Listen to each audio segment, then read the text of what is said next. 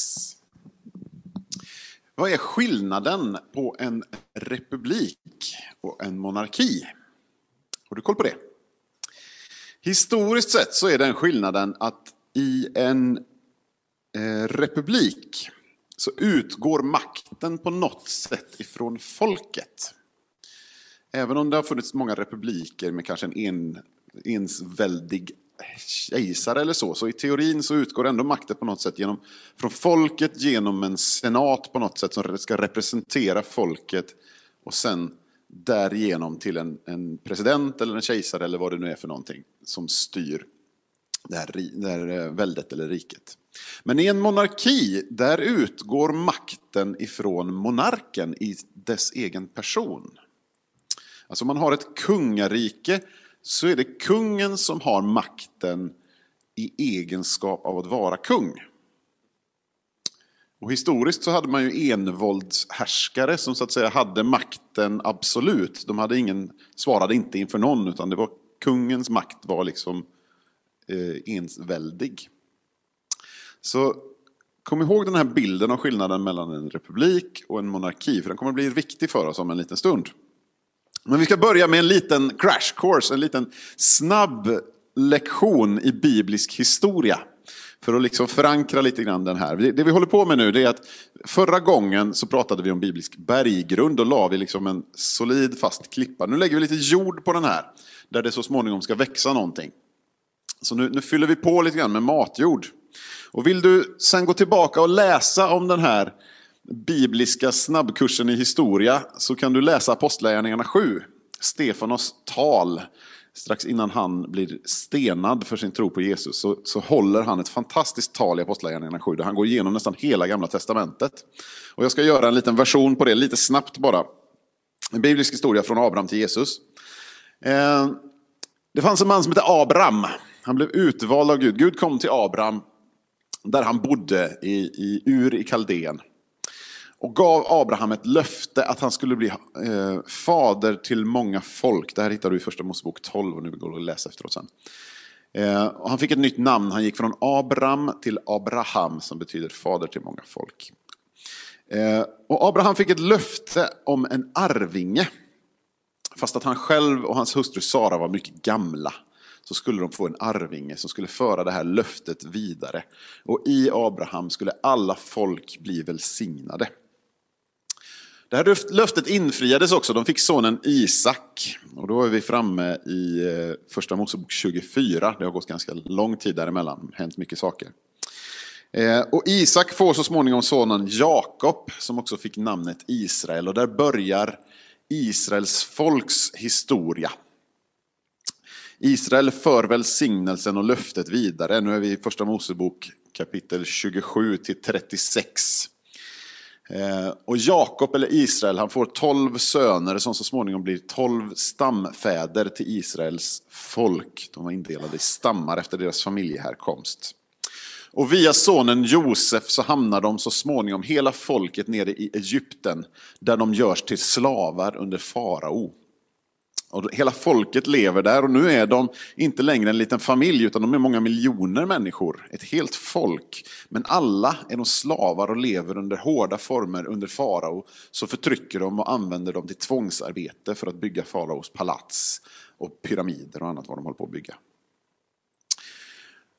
Och sen när vi kommer fram till andra Mosebok så har vi historien om hur Gud griper in och befriar sitt folk ifrån slaveri under dramatiska former. Ni vet om plågorna som kom över Egypten och den första påsken när eh, Israels folk får order om att bestryka dörrposterna med blod för att bli beskyddade från hemsökelsen som ska komma över landet.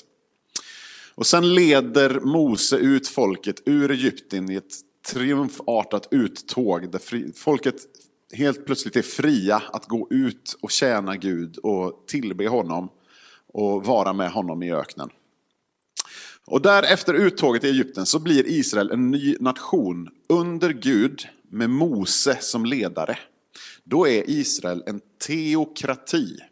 En teokrati, det vill säga Gud härskar över Israel.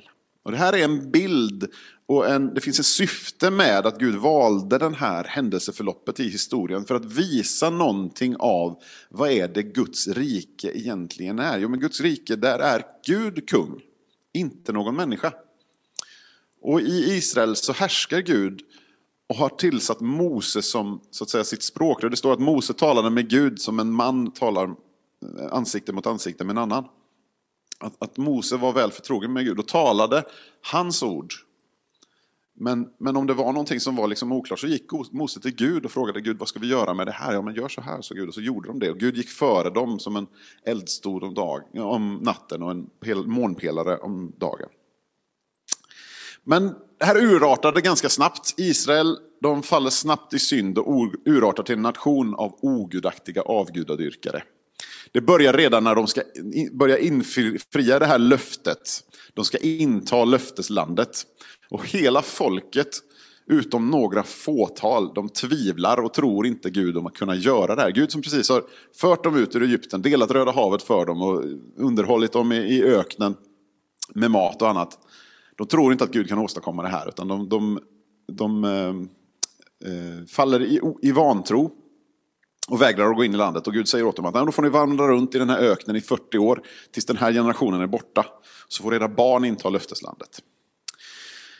Eh, och det där fortsätter och blir till en situation som inte är så olikt hur vi har det idag. Ingen tror, få tror, många gör vad de själva vill. Alltså det, det är en ganska, en ganska mörk situation. Eh, och i första Samuelsboken 9 så beskrivs det hur Israel begär att få en kung som alla andra nationer har. De vill inte vara Guds folk längre på det sättet. De vill ha en kung över sig som kan stifta lagar eh, och som kan döma rätt i landet. Eh, och profeten Samuel han smörjer Saul till kung över Israel på Guds befallning. Gud säger, ja, men låt dem få det de vill då. Det kommer att ta en ände med förskräckelse, men låt dem få som de vill så får de den där kungen som de vill ha. Och Saul han blir en ond kung. Han chanserar ganska snabbt och börjar göra dumheter och falla i synd och förleda folket. Eh, och Gud avsätter honom och ordnar sen så att David blir ny kung i Israel. Ni vet herdepojken David som vallade fåren ute på, på markerna. Eh, Gud sänder profeten Samuel till att leta upp honom. Och Bibeln beskriver David som en man efter Guds hjärta.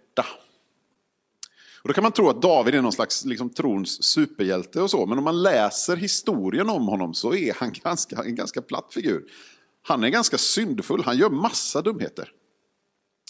Alltså han får begärelse efter en annans hustru och skickar iväg mannen att dö i krig så han kan gifta sig med den här tjejen och få barn med henne. Och så. Det händer en massa dumma saker i, i, i Davids liv. Så han är långt ifrån någon perfekt människa. Så det här att vara en man efter Guds hjärta är inte nödvändigtvis liksom att man presterar bra så att Gud gillar en för vem, vad man gör. Utan det handlar om, det är någonting i Davids hjärta, hans beroende av Gud. Om man läser Saltarsalmerna till exempel som David har skrivit så ser man den här relationen mellan David och hans Gud. Att han förtröstar på Herren av hela sitt hjärta. Någonting i David söker sig alltid tillbaka. Han omvänder sig. Han förstår när han har gjort fel. Han är medveten om sin synd. Den väger tungt på honom. Och han är också medveten om att Gud är nådefull och barmhärtig. Han gömmer sig inte med sin synd, utan han går med sin synd till Gud och säger Herre, jag har felat, förlåt mig. Var barmhärtig mot mig. Han omvänder sig och gör så att säga bättring på sitt sätt. Han, han lever i omvändelse. Och Gud ger David nåd oförtjänt, underbar, kärleksfull och barmhärtig nåd. Och den innefattar ett nytt löfte. Så vi har Guds löfte till Abraham, att han skulle bli fader till många folk, att alla nationer ska bli välsignade i honom. Och så kommer löftet till David. Och det löftet är att det ska, Gud ska sätta en arvinge på Davids tron. Det hittar vi i Andra Samuelsboken 7 och 16. Ditt hus, det Gud via, profet, via en profet som talar till David och säger Ditt hus och ditt kungadöme ska bestå inför mig till evig tid. Din tron ska vara befäst för evig tid. För evig tid. Och Det här innebär ju att om det ska sitta någon på Davids tron för evig tid så måste det vara någon evig som sitter där på den där tronen. Och det här löftet ser vi sen uppfyllt i Lukas 1, 31 och 33. Där kommer ängeln Gabriel och talar till Maria, Jesu mor. Och berättar om att Jesus, han är den som ska uppfylla det här löftet till David. Han säger till Maria, du ska bli havande och föda en son. Du ska ge honom namnet Jesus. Han ska bli stor och kallas den högstes son och Herren Gud ska ge honom hans fader Davids tron. Och han ska vara kung över Jakobs hus för evigt och hans rike ska aldrig ta slut. Så där har vi liksom den bibliska kopplingen mellan hela den här historien bakåt. Vi har löftet till David och det klara beskedet att det är Jesus som uppfyller det här löftet. Han är den som för evigt sitter på Davids tron. Han är den som uppfyller nåden som Gud hade mot David. Att alltid sätta en arvinge till honom på tronen över Jakobs hus. Och Det innebär att Jesus är kung. Han är våran monark. Och nu är vi tillbaka till den här bilden, skillnaden mellan republik och monarki. Att Guds rike har en monark där makten utgår ifrån Jesu person. Det är han i egenskap av att vara kung. Att han är Guds son men också kung över Guds folk. Som liksom ger honom rätten att vara konung. Det är han som har makten. Den utgår inte liksom ifrån Guds folk via någon slags folkförsamling i Guds rike som ska vara med och tycka och tänka om okej, okay, ja men Gud om vi gör så här, om vi gör så här och så säger han ja, nej, ja. Utan Guds rikes maktfördelning är tvärtom. Den kommer ifrån Jesus som monark. Och han är fullkomlig, till skillnad från alla mänskliga härskare som alltid liksom ställer till med elände. Om man läser Gamla Testamentet om alla kungarna i Israel så liksom nästan alla av dem var helt ogudaktiga och förledde folket till, till synd. Men Jesus är en perfekt monark.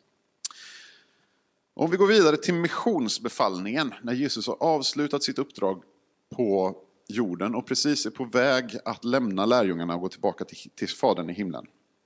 I Matteus 28, 18-20 så säger Jesus så här, då trädde Jesus fram och talade till dem och sa, åt mig har getts all makt i himlen och på jorden. Gå därför ut och gör alla folk till lärjungar. Döp dem i Faderns och Sonens och den helige Andes namn och lär dem att hålla allt som jag har befallt er. Och se, jag är med er alla dagar till tidens slut. Här ser vi att Jesus själv konstaterar att han har blivit given all makt. Det finns ingen makt som han inte har blivit given. Allting är lagt under honom i egenskap av den seger han vann på korset. Så Fadern har gett Sonen all makt i egenskap av att vara kung. Vi kan jämföra det här med bilden av tronföljden i en monarki. Där tronen är liksom i Faderns ägo, han är monark, men han lämnar den. I kraft av att han är kung så kan han ge den till sin son. Han överlåter tronen till sonen. Och då är det sonen som regerar i Faderns namn. Så idag ligger kungamakten över både Guds rike men också över hela världsalltet, hela skapelsen, i Jesu händer. Minns den gamla sången, makten är i Jesu händer, allt är honom underlagt. Det är fantastiskt. Så himmelriket är ett kungarike och Jesus är dess kung. Och den här överlämnandet av makten, det är uppfyllelsen av Daniels syn. I Daniel 7, 13-14 så har Daniel en syn, det här är flera hundra år innan Jesus föds. Men i min syn om natten så såg jag och se en som liknade en människoson kom med himmelens skyar. Han närmade sig den gamle och fördes fram inför honom. Åt honom gavs makt och ära och rike och alla folk och stammar och språk ska tjäna honom. Hans välde är ett evigt välde som inte ska ta slut och hans rike ska inte förstöras. Och så går vi vidare också till första Korintierbrevet 15, 24-28 för att se den här bilden av tronföljden en gång till för att få liksom lite mer biblisk bakgrund till det här. Och då skriver Paulus om, om uppståndelsen ifrån de döda om tidens slut. Och så skriver han att sedan kommer slutet, när han, det vill säga Jesus i det här fallet, överlämnar riket åt Gud, Fadern, sedan han har gjort slut på varje välde, varje makt och kraft. Han måste regera, Jesus måste regera, tills han har lagt alla fiender under sina fötter. Som den sista fienden berövas döden sin makt. För allt har han lagt under hans fötter, han citerar gamla testamentet där. Men när det sägs att allt är lagt under honom, Jesus, så gäller det självklart inte Gud som har lagt allt under Kristus. Och när allt har blivit lagt under honom, då ska sonen själv underordna sig den som har lagt allt under honom, så att Gud blir allt i alla. Det vill säga Jesu uppdrag att vara kung i Faderns namn, eller i hans ställe och härska och regera över världsalltet, det varar fram tills dess att han har lagt alla riken, alla välden, alla makter under sin fot och slutgiltigt besegrat döden och upprättat det eviga riket fullständigt. Då kommer Jesus att överlämna det här till Gud, till Fadern, så att Gud blir allt i alla. Det vill säga det som återstår sen är ett evigt rike, där Gud är kung. Tillbaka till teokratin som rådde hos Israel som en bild, fast den här gången perfekt, överallt och i alla. Så evangeliet, det är ett budskap om en kung och ett kungarike. Och om man missar det här så är risken stor att både din kristologi och din teologi blir snedvriden. När vi läser Bibeln så är det Jesus som är hjälten i alla historierna. Det är inte vi. Vi har så lätt för att se oss själva. Liksom när vi läser i, i, i första Mosebok om Josef i, i fängelset efter att han har varit i Potifars hus till exempel, så identifierar vi oss med, med Josef. Vi ser liksom att ja, men när jag hamnar i fängelse, fängelse inom citationstecken, när jag hamnar, blir orättvist utsatt för, för kränkande behandling och sådär, så ska jag vara som Josef. Och det är bra, men vi kan inte bara stanna där. Vi måste se att vi är också Potifars hustru. Som liksom slänger folk i fängelse för att, för att vi har begär till dem. Eller vi är, vi är Potifar själv som liksom slänger folk i fängelse för att vi går på en lögn som någon har hittat på åt oss vi är oftare skurken i historien än vad vi är hjälten. Det är Jesus som är hjälten. Liksom, historien är till för att tala om vem Jesus är. Vi ska akta oss för att vi alltid sätter oss själva i centrum. Om man, om man förstår evangeliet utifrån att det är berättelsen om ett kon, en konung och ett kungarike så är det lättare för oss att få rätt perspektiv på det där. Att ja, det är historien om Jesus som berättas om och om, och om igen i olika varianter, i olika aspekter. Vad är då Guds rike? Om nu evangeliet är historien om ett rike, vad är detta Guds rike för någonting? Ni vet att Nya Testamentet är skrivet mestadels på grekiska. Och det är ord som i svenska biblar översätts med rike. Ibland översätts det himmelriket och ibland Guds rike. De, är, de används omväxlande och betyder i princip samma sak. Men det är grekiskans basilea. Och ordagrant, om man skulle försöka göra sig på en ordagrann översättning av basilea till, till svenska så skulle man hamna i någonting som liknar typ konungslighet. För basilea baserar sig på ordet basileos som helt enkelt betyder kung. Så och man gör liksom ett adverb av det och säger att okej, okay, det här är konungslighet, eller ett adjektiv av det och säger konungslighet, den egenskap som finns hos en kung.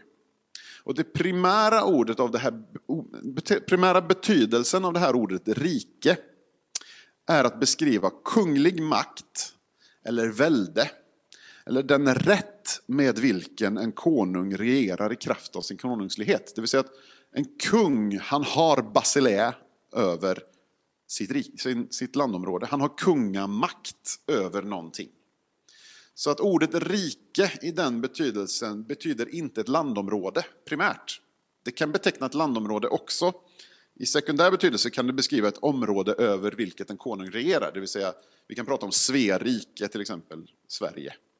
Den, det, det rike som den svenska konungen är, är statschef för. Men vi kan också använda rike i den här ursprungliga betydelsen som det har i grekiskan. Vi kan prata till exempel om att eh, man kan ställa någon inför riksrätt. Och då är det ju inte liksom inför rätt geografiskt, utan inför Sveriges riksdags makt. Eller liksom man, man ställer någon inför riksrätt, ja då har man förbrutit sig mot landet. Vi kan stifta Svea rikes lagar, vi styrs av en riksdag. Där handlar det ju inte om, om det geografiska området, utan det handlar ju om så att säga, den, den makt eller det styresskick som råder här. Är ni med på vad jag menar? Så att Basilea handlar om att utöva en konungs makt.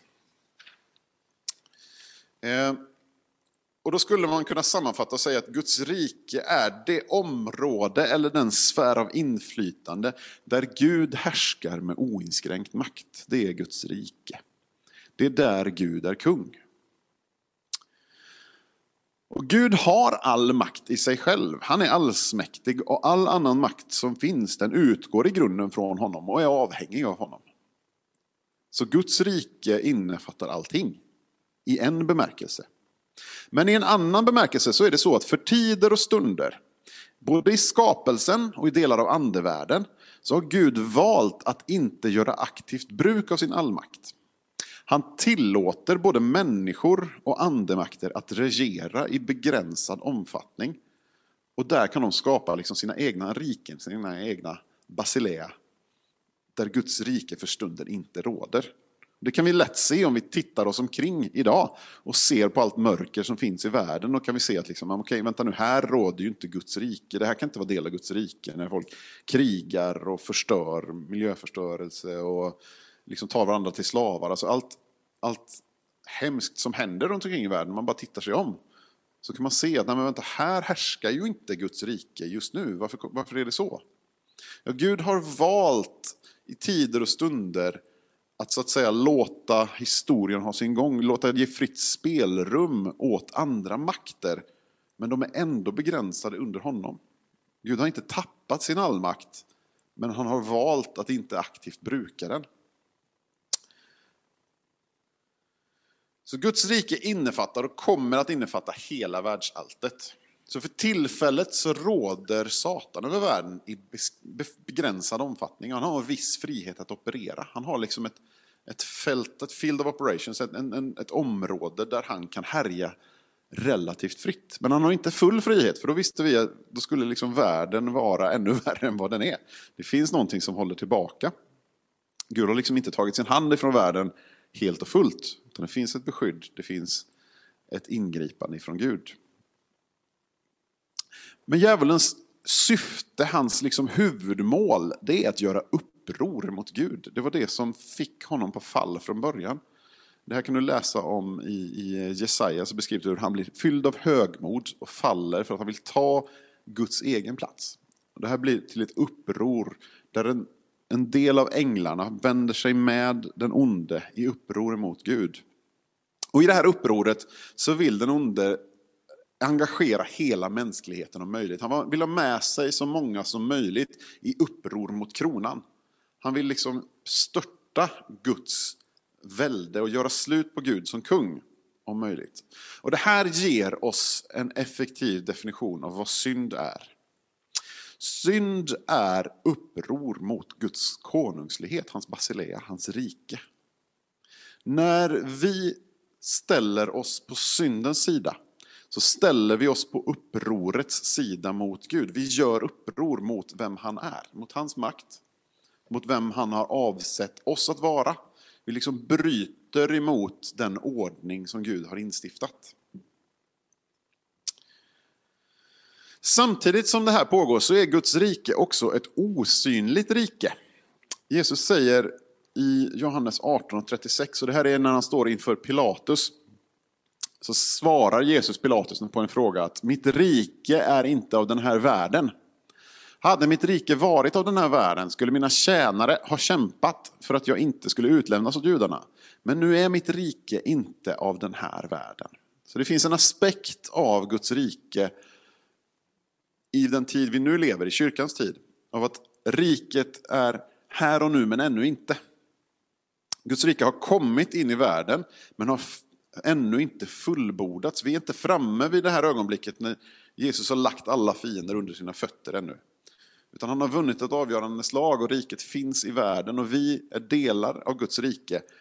Eh, men han, Jesus regerar idag över sitt rike, det osynliga riket. Och en dag ska han komma åter för att upprätta också ett synligt rike på jorden. Och det blir ett rike på, vilken, Eh, på vilket ingen ände ska vara, så som David blev lovad av Gud. Okej, vad är då evangeliet? Vad är evangeliet om Guds rike? Om vi går till Romarbrevet 3 och 23 så konstaterar Paulus här att alla har syndat. Och vi läser kärnbibelns översättning. Jag tycker kärnbibeln är väldigt bra. Har du inte eh, kärnbibeln än så finns det ett antal exemplar här på Fristaden om man vill köpa en.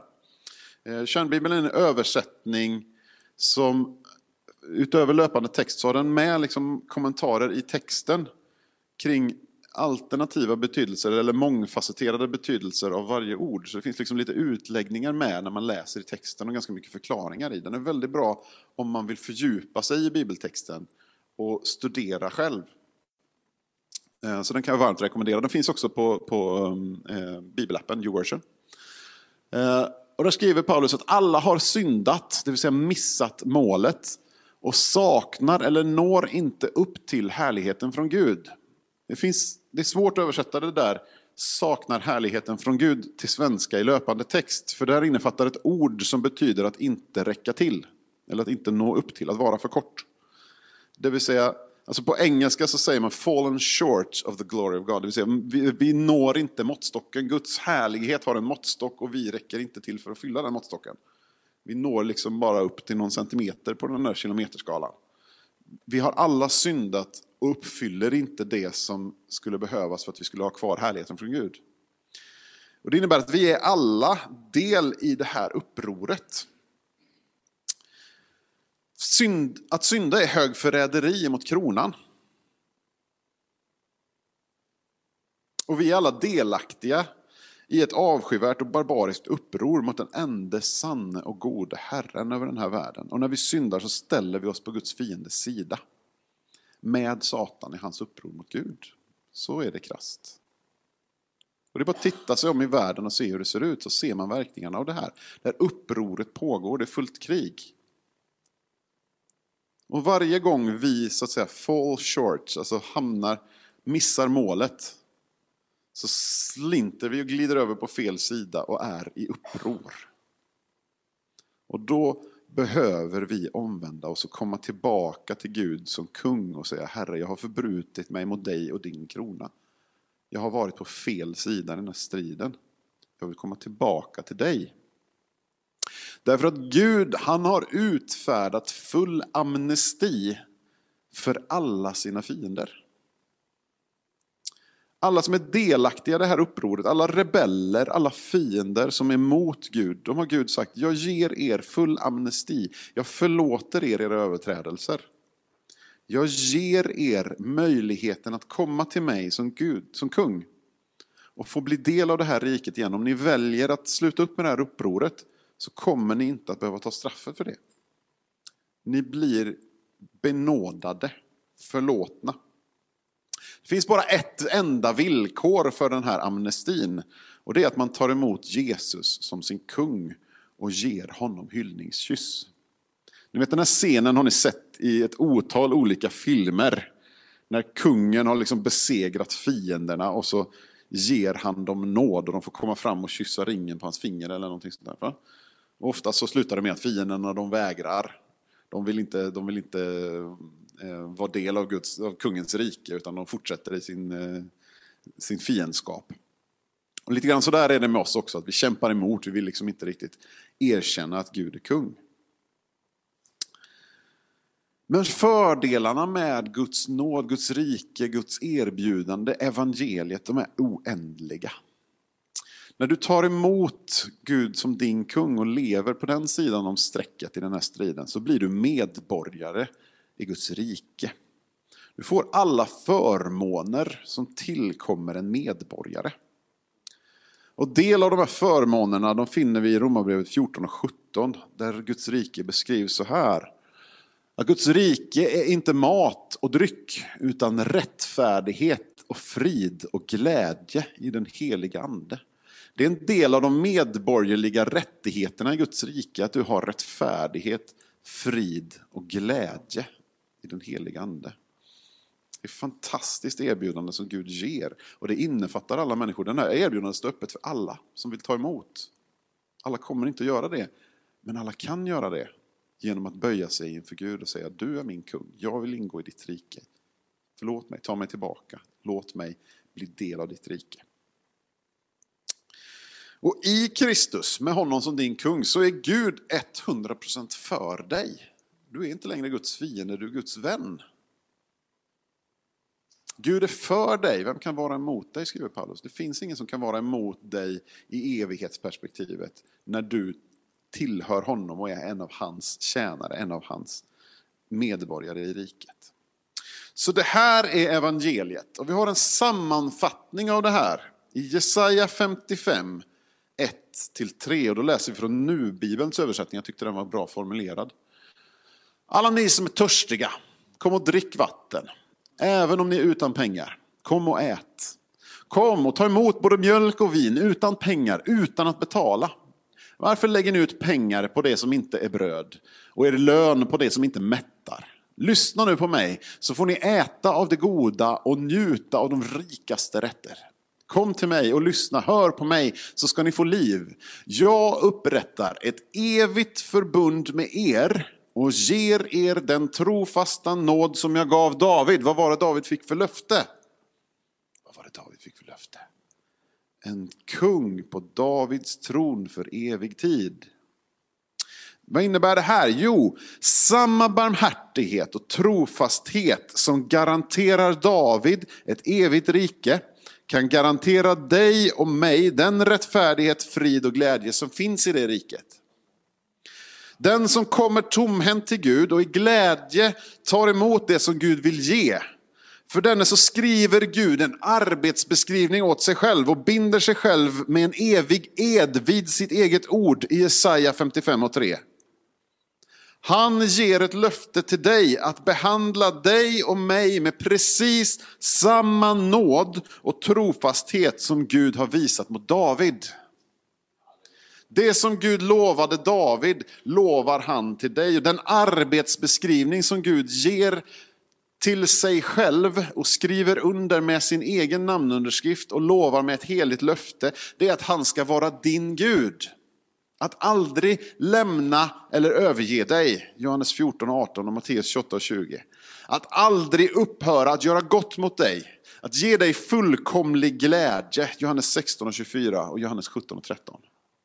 Det är det löfte som finns i Gud och det är vad evangeliet är.